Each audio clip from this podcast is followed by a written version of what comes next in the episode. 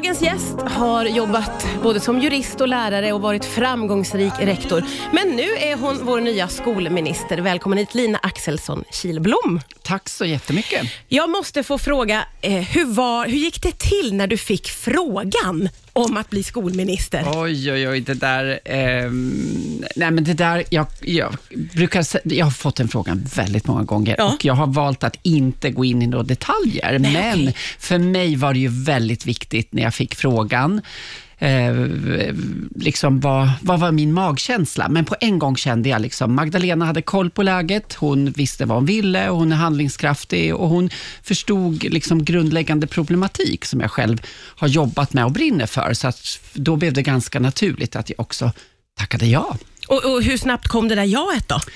Det kom efter, mm, jag ska inte gå in i några detaljer, men det var inte så. Men du vet när, någon, när man pratar med någon, man känner, stämmer det här? Har personen koll på läget? Är den handlingskraftig? Ska vi fixa någonting tillsammans? Ja, kände jag på en gång och då kom jaet på en gång. Ja, så det var ingen riktig tvekan där. Vad var det som fick dig att tacka ja då till det här väldigt speciella jobbet?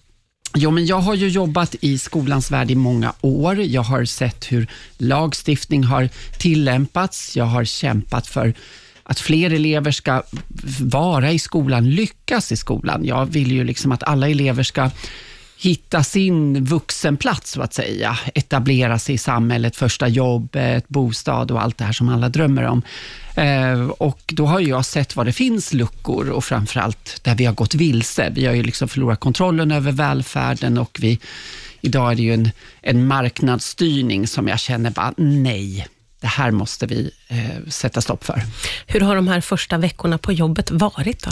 Intensivt, men enormt roligt. Kan du berätta lite om hur en dag kan se ut för dig? Jo, men man... Eh, möten, man, det är ju väldigt mycket lagstiftningsärenden. Den här regeringen har ju producerat väldigt mycket lagstiftning, men det är också mycket som är på gång nu under våren, lite större saker. Men sen har vi ju också det här är ett valår, det är mycket vi vill ordna, så det här är liksom bara början på något sätt. Så att jag eh, åker dit och, och det är faktiskt härligt. Jag kan vakna riktigt tidigt och bara ha väldigt bra idéer hur vi ska gå fram med olika frågor. Ja, vad roligt, det känns som, ju som att det här, hade du liksom haft en tanke eller en önskan om att hamna i, på den här positionen som du har hamnat nu?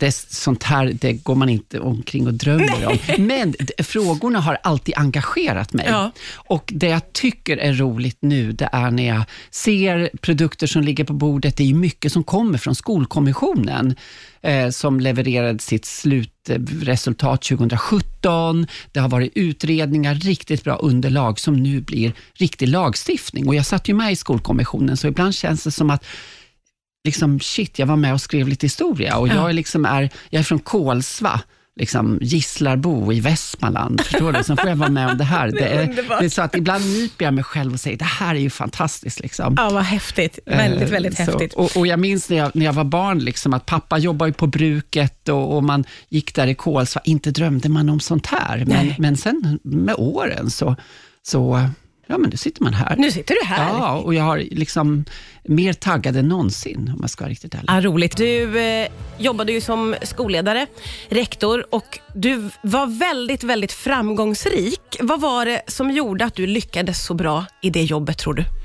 Envishet, envishet, envishet. Nej, men grunden till det, det är ju att eh, när jag träffar en elev så tänker jag att ja, men, ingenting är omöjligt. Jag liksom känner att eh, alla elever ska klara sig och, det, och då gör jag precis vad som krävs egentligen. Ja. Eh, och, och det är ju att man får bygga om organisationen, man får, är det så att eleverna har kunskapsluckor, mer undervisning fungerar. Och det är ingen idé att skjuta upp det, utan det är lika bra att sätta in det så tidigt som möjligt. Och det var väl just det att man följer upp, eh, är, är faktiskt lite jobbig mot elever. Jag har På vilket sätt då? Nej, men jag har höga krav på elever. Ja. Man ska göra det man ska och jag blir tjatig, men jag försöker vara kärleksfullt tjatig. Ja. Och att jag eh, tänker att jag ska vara o, eh, uttröttlig, liksom, att jag ska ha energi. Och det är lite som, jag tänker på att vi ser nu tydligt i statistiken att det, det, är elever med föräldrar som har utbildning och som är väldigt engagerade, som klarar sig bäst i skolan. Och Då tänker jag väl att ja, men då kanske jag får vara som en tjatig mamma på skolan. Väldigt mycket kärlek, väldigt mycket tillit och faktiskt uppmuntra och se dem. Liksom. För jag har alltid haft siktet inställt på att alla elever ska med. Jag vill inte se att någon faller utanför eller liksom väljer bort skolan och så vidare. Och då... det där, jag tycker att det, det låter ju väldigt bra, eh, men jag tänker att det är lätt att säga och svårt att göra. Du lyckades ju med det när du var rektor på Ronnaskolan i Södertälje, eh, så fick du ju enormt fina resultat. Men hur handgripligen gick det till då?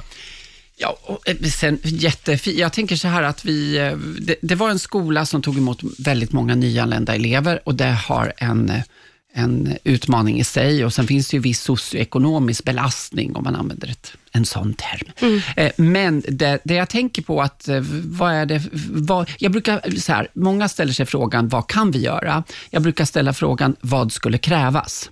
Mm. Och sen gör vi det som krävs. Mm. Det, är liksom, det är bättre att utgå från den. Och Det kan vara ganska jobbigt ibland om man måste göra om schema mitt i terminen eller om man måste ge extra insatser eller något annat. Men, och Sen gillar jag prognoser. Jag brukar ofta säga att elev, eller lärare vet vilka elever som inte kommer få betyg i juni, det vet de redan i september. Alltså långt mm. innan kan lärare känna att oj, den här eleven har väldigt stora kunskapsluckor. Mm. Och Då tänker jag som rektor, kan jag få reda på det riktigt tidigt, då kan jag också sätta in åtgärder. Mm. Och Det är väl därför jag tänker också nu när vi bygger ett skolsystem, så ska vi ha ett skolsystem där saker inte bara händer, utan vi ska ju kunna styra välfärden. Och framförallt ska ju pengarna gå till eleverna och inte till massor med vinster utomlands eller annat sådär. Så att det ligger på min agenda och det är någonting som väcker väldigt mycket känslor i mig. Mm. Jag tycker liksom, jag betalar skatt och då vill jag att pengarna ska gå till äldre, jag vill att de ska gå till barnen och jag vill inte vara tänka att liksom 10% ska gå i någons ficka och någon som kanske bara har investerat pengar för att de vill ha massor med avkastning. Mm. Det är inte riktigt min grej. Jag läste någonstans att, eh, jag tror det var när du jobbade som rektor, att eh, du har sagt att du vill få alla att känna wow, det går. Du har ju varit inne på det här. Eh, tar du med dig det till ditt nya jobb också? Absolut. På vilket sätt? Jo, men jag är så fast besluten om att eh, jo, men jag tänker på, det finns så mycket i debatten idag som handlar om eh, ja, men utanförskapet, segregationen och där känner jag att det här ska vi vända. Jag är så övertygad och där spelar skolan en jätteviktig roll. Jag mm. tänker på alla de som kanske har valt kriminaliteten eller är på väg in i det. Att kan man se skolan som ett alternativ? Och det är väl där jag tycker också att vi ska ställa faktiskt ganska höga krav och kanske högre krav på mm. de som inte har klarat grundskolan. Att skaffa sig en, en yrkesutbildning. Och, och för utan yrkesutbildade i Sverige, då stannar landet. Mm. Liksom. Så det är mm. jätteviktigt att alla är med. Och Jag tänker bara på att vi har en klimatomställning, jättemycket nya industrier, vi har en ny demografisk utveckling med väldigt många unga barn som behöver lärare och så vidare, men vi har också många som behövs i välfärden för, för alla 80-plussare som blir. Så att varenda unge som idag föds och går i skolan kommer att behövas. Och mm. Det tycker jag, vi har inte råd med utslagning just nu. Lina, du är ju den första transpersonen i en svensk regering. Vad betyder det för dig? Ja, jag tänker så här att jag är ganska trygg i den jag är och jag är stolt över den resa jag har gjort. Det är liksom en sorts, sorts ja, men bas. Sen är det ju väldigt kul om jag kan vara en förebild för andra och det tar jag med mig. Men jag jobbar med skolfrågor. Ja. Det är liksom min Eh, mitt fokus, fulla fokus ligger där, men det är väldigt roligt om man kan vara en symbol för någonting. Och Jag tänker säga, jag må vara den första, men jag tror inte jag blir den sista. Eh, har du, vad har du fått för respons? Jo, men det är bara positivt. På just det här, ja. ja. Och jag ser från utländsk press och det skrivs såna här saker. Och, och eh, ja, men det, det, är ingenting jag går och tänker på. Jag har fullt upp med annat. Liksom. Ja. Men det är väl kul om man kan få vara den och man kan få uppmärksamhet för det. Det handlar ju till sist om att än vem du är så ska du passa in i systemet och det är väl där vi ska arbeta för. Mm. Du, eh, vad har du för agenda framför dig här fram till Får du vara julledig som skolminister?